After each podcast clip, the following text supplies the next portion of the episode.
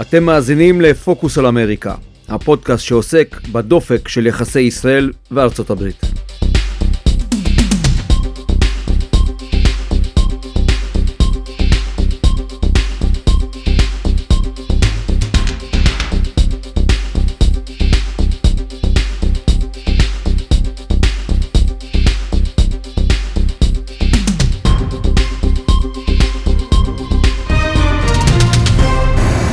Many strong supporters of Israel, I'm very concerned. And I'm concerned that they get this straight. They cannot continue down this road. And uh, I've sort of made that clear.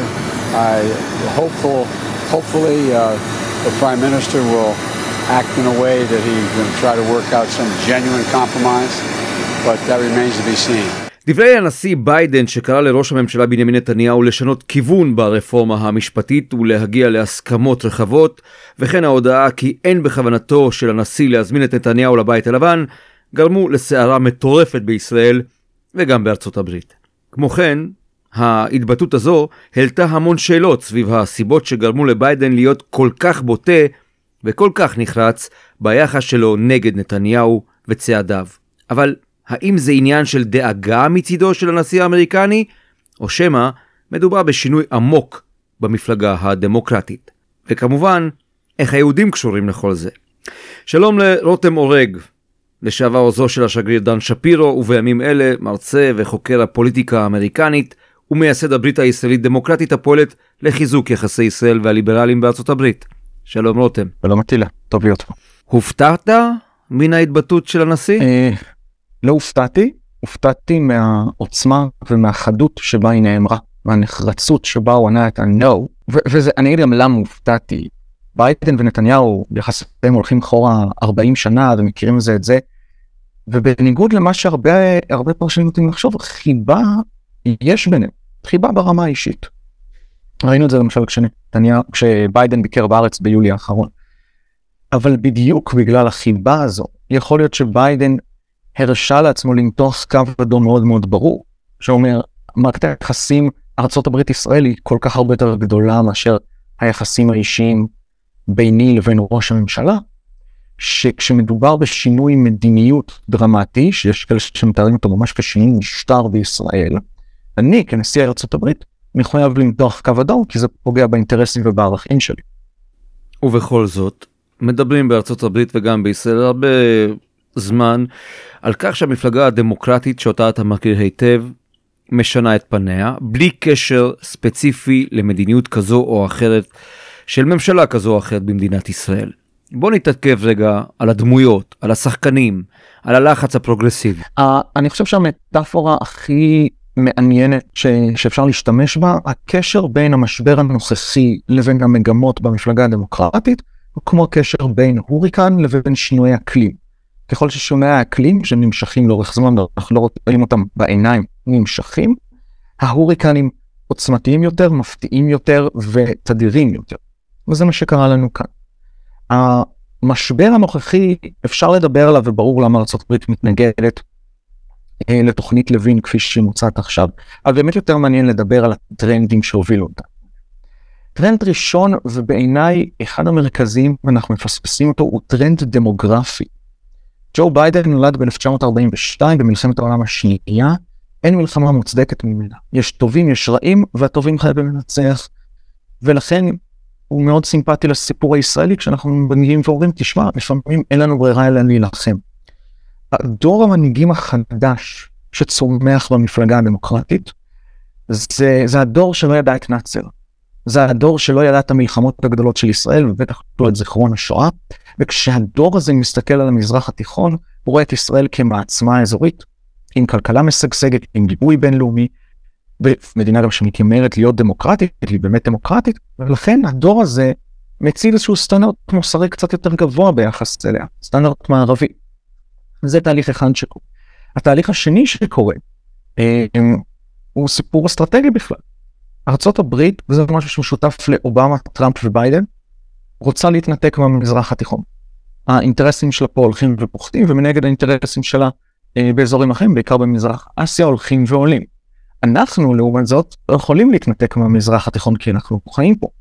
וזה כבר שם אותנו באיזשהו איזשהו חיכוך אינטרסים האמריקאי. אחד הדברים שהם צריכים מאיתנו זה יציבות, כדי שהם יוכלו לצאת בשלום. אבל כשבכירים בממשלת ישראל או קוראים למחוק את חווארה, וכשחוק ביטול ההתנתקות עובר, אנחנו בעצם פוגעים בשאיפה האמריקנית ליציבות באזור. והתהליך השלישי, שהוא קשור בדברים שדיברתי עליהם עכשיו, הוא תהליך אידיאולוגי. חברה ישראלית נעשתה מאוד אה, אה, סקפטית, נקרא לזה ככה, בנוגע לשלום בשנים האחרונות. אפשר אה, לדבר על המשמעות של האינתיפאדה ועל המעבוד של אבו מאזן ועל כל מיני סיבות. אבל העניין הוא שאנחנו כבר לא מדברים על שלום. ואילו בחברה האמריקאית נעשתה סקפטית לגבי מלחמה. המלחמות בעיראק ובאפגניסטן שהסתיימו בכישלון מחריד, שכנעו דור שלם של אמריקאים שאלימות חייבת להיות המוצא האחרון, אלימות במובן של מלחמות. ולכן יש איזושהי רתיעה בסיסית כמעט דתית מהפעלת כוח צבאי ומתמיכה בהפעלת כוח צבאי. וישראל, מה לעשות, היא מדינה שנאלצת מדי פעם להפעיל כוח צבאי.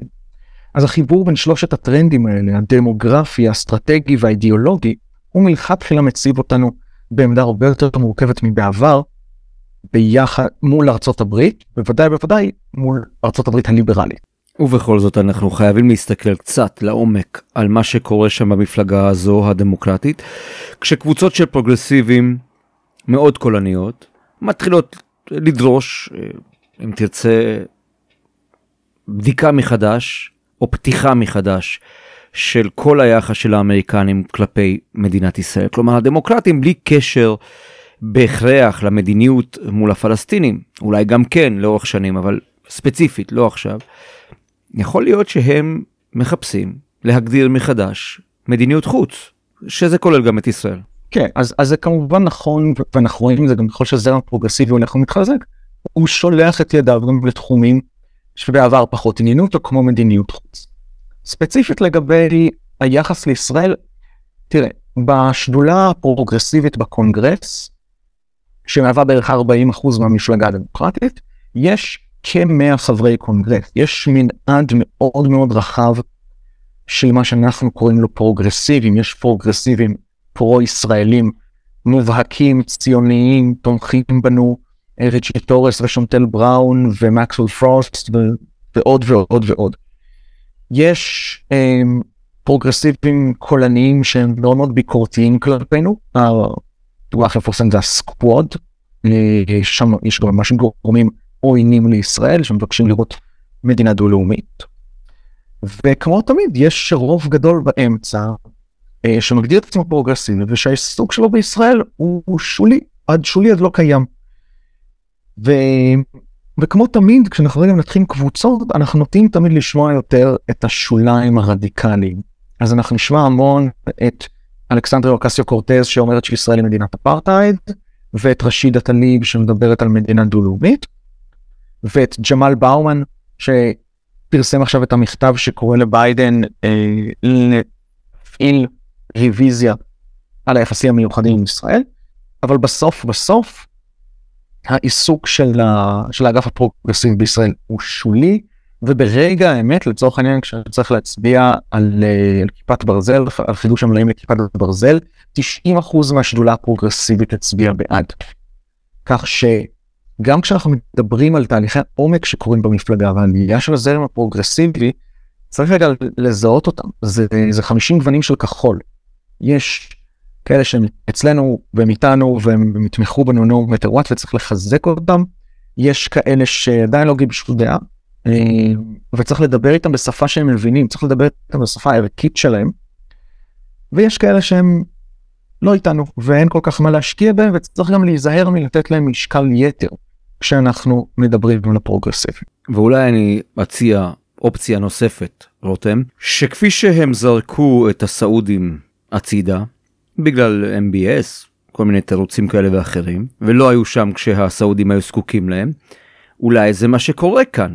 תכף נגיע גם ליהודים, אני בכוונה מחכה עם זה, אבל יכול להיות שיש פה חיבור אמריקני למסלולים אחרים במזרח התיכון, ואני לא רוצה להגיד ברית עם האיראנים, כן, זה לא, זה לא, זה לא בא בחשבון, אבל בכל זאת, תשמע, הם עשו את זה לסעודים. זה נכון, אני אגיד את זה ככה, גם שכתבתי על זה אה, כבר לפני כמה שנים כשהמשבר הזה התחיל אה, להתגלגל. המודל הסעודי הוא תרחיש האימים של ישראל בכל מה שקשור ביחסי עם ארצות הברית. והמזל הגדול שלנו זה שבדומה לסעודיה יש לנו אינטרסים משותפים עם האמריקאים, ובדומה לסעודיה ישראל מפעילה לובי אפקטיבי שמקדם את המדיניות שלה בוושינגטון, ותכף נדבר עליו כשנדבר על היהודים. אבל בניגוד לסעודיה, וזה המזל הגדול שלנו, לישראל ולארה"ב יש ערכים משותפים, ערכים דמוקרטיים משותפים, שביידן גם ממש הגדיר אותם בהצהרה שלו. את ביידן לא מעניין את הוועדה לבחירת שופטים, או עילת הסבירות, או, או פסקת ההתגברות, הוא לא מתעסק בזה. והוא אמר, ערכים דמוקרטיים משותפים זה הפרדת רשויות, זה רשות שופטת עצמאית, וזה הגנה חוקתית על זכויות אדם. ואם ביידן ישתכנע ששלושת הדברים האלה נפגעים או עוברים שחיקה משמעותית בישראל, יכול להיות שישראל תרד מהמעמד המיוחד שיש לה של ה-spatial relations, ותמצא את עצמה במעמד שהוא יותר קרוב לסעודיה. וזה דבר שצריך להדאיג כל ישראלי וכל תומך של ישראל. טוב, בוא נדבר על יהודים. אמרתי יהודים ושמתי אותם בצד לרגע, אבל יש גם לחץ יהודי באמריקה אה, על המפלגה הדמוקרטית, וצריך להגיד שחלק גדול מהיהודים באמריקה הם פרוגרסיביים, זאת אומרת יש להם תפיסות עולם שמאליות, מדיניות שמאליות, מאוד שמאליות, והם גם משפיעים כמובן פנימה. יכול להיות שיש פה סערה מושלמת שאנחנו עוד לא קלטנו אותה? אין ספק שיש פה סערה, אני לא יודע מה מגדיר סערה מושלמת, אבל, אבל זו בהחלט סערה. אני יכול להגיד לך שרק בשבוע האחרון דיברתי עם שני מנהיגים יהודיים מארצות הברית. אחד מהם אמר, אם, אה, אם הרפורמה עוברת כלשונה, אנחנו נצטרך לחשוב מחדש מה זה אומר עלינו. והוא גם פירט, הוא אמר, מה זה אומר עלינו קודם כל כיהודים, מה זה אומר עלינו כתומכי ישראל, מה זה אומר עלינו כליברלים, וכן הלאה וכן הלאה. והמנהיג השני שדיברתי איתו אמר שמעולם בהיסטוריה של הקהילה שלו, הקהילה לא הייתה כל כך מודאגת ו- ועסוקה בלעקוב אחרי התפתחויות בישראל, ומדובר בקהילה ציונית ומחויבת ש- שעוקבת אחרי מה שקורה. הקהילות היהודיות בארצות הברית, שצריך גם להגיד, רובם המכריע הן דמוקרטיות, 74 אחוזים הצביעו בבחירות האחרונות אה, למועמדים דמוקרטיים, 77 אחוזים הצביעו לביידן ב-2020, רובם דמוקרטים, רובם המכריע מתנגדים לרפורמה במתכונתה הנוכחית. אה, בעיקר גם מהחשש שזה שוחק את הערכים המשותפים למדינות, אבל גם בגלל ההשפעה של זה על אה, סוגיות דת ומדינה, שמלכתחילה היו סוגיות מפצלות בין ממשלות ישראל לדורותיהן לבין יהדות ארצות הברית, הרי יהדות ארצות הברית ברובה הגדול יהדות אה, אה, ליברלית במובן של אה, לא אורתודוקסית, כן, רפורמים קונסרבטיביים ואנאפילייטד. ובהנחה והרפורמה הזו עוברת, לא יהיה שינוי ביחס לזרמים הליברליים ביהדות, וזה מדאיג אותי. אז, אז מה אתה אומר בעצם, רותם? אתה הרי עוסק כל היום בלחבר את המפלגה הדמוקרטית ואת הדמוקרטים לישראל, הקמת בשביל זה אפילו אה, גוף עצמאי ש, שזה כל מהותו. אה, ואתה נכון. חוקר הרבה מאוד שנים ואני מדבר איתך הרבה מאוד שנים על פוליטיקה אמריקנית. ואולי חלק מזה שאתה הקמת את הגוף הזה שאתה עומד בראשו, זה נובע בין היתר מן התחושה הלא חדשה שלך שיש בעיה עם המפלגה הדמוקרטית ובכלל עם הגישה כלפי מדינת ישראל ושוב אני אומר בלי קשר לרפורמה אני מסתכל על תהליכים שאנחנו מדברים עליהם כבר שנה שנתיים אולי אפילו חמש אפרופו היחסים של דמוקרטים מסוימים למדינת ישראל. בהחלט יש בעיה. אין, אה, אין דרך לסובב את זה. יש אה, בעיה, היא קשורה לא באירוע נקודתי כזה או אחר כמו רפורמה, ולא במנהיג כזה או אחר. זאת אומרת, יש איזושהי נטייה לפעמים להגיד, אה, זה הכל בגלל נתניהו, או בגלל טראמפ, או בגלל אובמה, וזה ממש לא זה, זה הרבה יותר גדול. הבעיה היא שעולם הערכים של ישראל כמו שהיא מובלת בשנים האחרונות, לא מתכנס עם עולם הערכים הדמוקרטי. אה, זה ההימשכות של הסכסוך הישראלי-פלסטיני וחוסר ההתקדמות בו. זה, אה, כמו שהזכרתי, המונופול האורתודוקסי לסוגיות של דת ומדינה. זה שחיקה בעצמות של מערכת המשפט. זה יחסי יהודים וערבים, זה השתיקה הישראלית בנושא אוקראינה. אם אנחנו רגע מדברים על ערכים משותפים, העובדה שישראל בכל פעם שהיא מותקפת קוראת לעזרת העולם שיעמוד לצידה, אבל כשדמוקרטיה מערבית אחרת מותקפת, ישראל עומדת על הגדר, היא עומדת בעוכרינו. ויושבת שם ג'ניפר גרסיה ממיאמי, שהיא סטודנטית פרוגרסיבית בת 20, שנורא מתעניינת בפוליטיקה, אבל לא יודעת כלום על ישראל.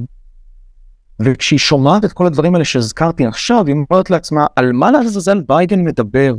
כשהוא מדבר על הערכים המשותפים שלנו, איזה ערכים משותפים יש לי עם מדינה כזו. עכשיו זה לא נובע משנאה, לג'ניפר גרסטי הזאת אין, אין משהו ספציפי נגד ישראל. זה נובע מעולם ערכים שהוא מאוד מאוד שונה. עכשיו, זו הבעיה, מה הפתרון, כמו שאני מבין אותו. אני ישראלי גאה, ואני חושב שיש הרבה מה להתגאות בישראל, כולל בדברים ש, שקרובים לעולמם של, של דמוקרטים, כולל פרוגרסיביים. אני חושב שישראל עשתה התקדמות מדהימה בשילוב של מיעוטים ובהגעה בהתקדמות אל עבר שוויון מגדרי, ואנחנו נהיים טובים יותר בכל מה שקשור באקלים ובזכויות להט"ב, ויש לנו מערכת בריאות שאפשר ללמוד ממנו, ויש לנו הרבה מה לתת, ויש במה להתגאות. אבל אסור לנו להיעצר רק בשיח החיובי. השיח של, בוא נדבר על הצד הטוב של ישראל, הוא שיח שמרני, ולכן הוא נועד להיכשל עם ליברלים. מה שאנחנו צריכים לעשות, וזה המסר שאני מעביר הלאה בכל פעם שאני מדבר עם קבוצה של אמריקאים, אנחנו צריכים לדבר לא רק על הצד הטוב של ישראל, אלא, צד של, אלא גם לדבר על הצד של ישראל שהוא working progress. ואני משתמש במילה הזו בכוונה. יש לישראל הרבה מה לתקן בפערי מרכז פריפריה, בשילוב של מיעוטים בחברה, בסכסוך הישראלי-פלסטיני שאנחנו מאוד רחוקים מלפתור אותו, אבל בהחלט אפשר לשפר את המצב ולא להרע אותו. בהגעה לשוויון אה, בין גברים ונשים, בהגעה לחופש דת, בחופש דת יש הרבה מה לתקן בישראל, ולא צריך להתבייש לדבר על זה כשאנחנו מדברים עם ליברלים. וזה מאוד רלוונטי, בעיקר בזירות שבהן אנחנו, אנחנו תופסים אותן כזירות אה, אה, בעייתיות, אולי אפילו ערינות, למשל קמפוסים, או כל מיני מרחבים פרוגרסיביים אחרים. ברגע שאנחנו שמים על השולחן את הדברים שיש לישראל לתקן, לצד, וזה חייב לבוא ביחד, לצד דברים שבהם אנחנו גאים כישראלים, השיח הוא אוטומטית נהיה יותר מורכב, יותר ניואנסי, יותר מזמין לשיחה, ופחות, אה הנה עוד פעם הישראלים מנסים לספר לי כמה הם מדינה נפלאה, כשבעצם הם, אה, הם לא. זה חייב להיות גם וגם, זה חייב להיות גם pride וגם progress. רותם בוא, בוא, בוא ננסה רגע לעשות fast forward והאם אתה רואה בעיני רוחך סיטואציה שבה ממשל אמריקני דמוקרטי אולי אפילו בתקופה הקרובה ינטוש את ישראל למרות כל ההצהרות במובן הכי בסיסי במועצת הביטחון או במקומות אחרים. אני אגיד מה, מה אני לא רואה אני לא רואה פגיעה בסיוע בטח לא כל עוד ביידן הוא הנשיא ביידן או הריס לצורך העניין. ביידן מכיר את הנושא מעולה והוא בעצמו אמר שהסיוע הוא אינטרס אמריקאי לא פחות משהוא אינטרס ישראלי. אה, ואני בטוח שגם הריס חושבת ככה כי סגנית הנשיא מכירה עכשיו את הנושא first hand. אזורים אחרים שבהם ישראל יכולה להיפגע מהדבר הזה כולל מועצת הביטחון הם בהחלט אפשריים. וגם פה צריך רגע לעשות הבחנות. כבר עברה החלטה במועצת הביטחון החלטה 2334 שהעבירו את הממשל אובמה בשל כהונתו, שקבעה שההתנחלויות הן לא חוקיות על פי הדין, הדין הבינלאומי. עכשיו זו החלטה הצהרתית שאין לה משמעויות פרקטיות מעבר לסדמיות שלה, אבל בדיוק בגלל שאין לה משמעויות פרקטיות, תרחיש של החלטה כזו עוד פעם סביב משהו שקשור פה בנושא הפלסטיני הוא בהחלט אפשרי. זה אה, תרחיש אחד של פגיעה ביחסים. תרחיש אחר של פגיעה ביחסים שהוא, שוב לחלוטין אפשרי. יכול להיות אה, אה, המשך הכתף הקרה.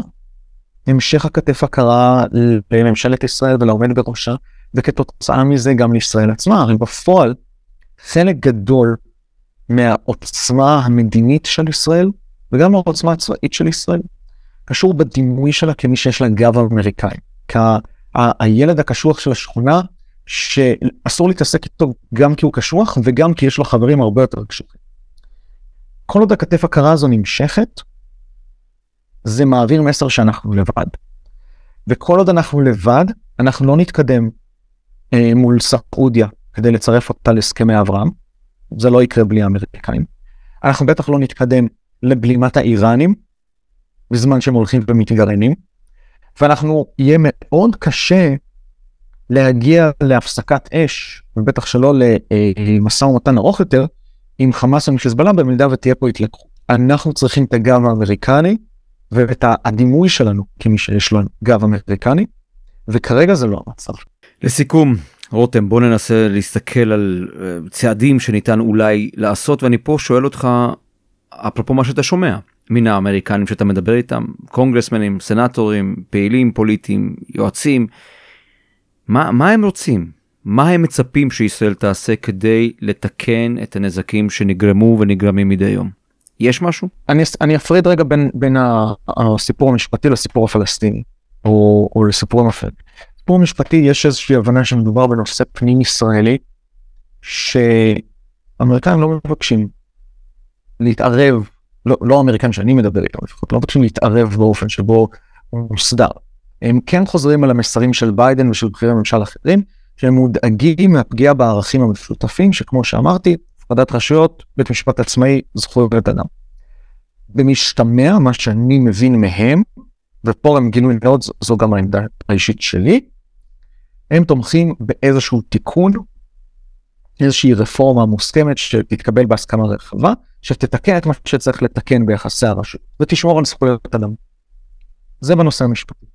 בנושא הפלסטיני, גם בקרב ארגוני שמאל, אה, שבעבר היו יותר ביקורתיים בנושא הזה, הקולות שאני שומע הם קולות יותר פרגמטיים, קולות שמכירים בזה ששלום בין זמננו ושתי מדינות לשני עמים זה לא תרחיש ריאלי בשנים הקרובות, אבל הציפייה היא, וזה מתבטא גם בהצהרות של הממשל, שממשלת ישראל והחברה האזרחית בישראל יקדמו צעדים קטנים שא' משמרים את פתרון שתי המדינות בחיים, וב' מקרבים אותנו אליו, או מייצרים תשתית שתאפשר אותו בעתיד. לצורך העניין, כל מה שקשור בצמצום הסכסוך, בהגברת שיתופי פעולה כלכליים, בפרויקטים משותפים אה, בתחומים של חינוך, תרבות וספורט, בכל מה שקשור בשיתופי פעולה אקלימיים, בסופו של דבר שינוי אקלים לא רואים את הגבול בינינו לבין הפלסטינים, כל הדברים האלה הם רצויים ומומלצים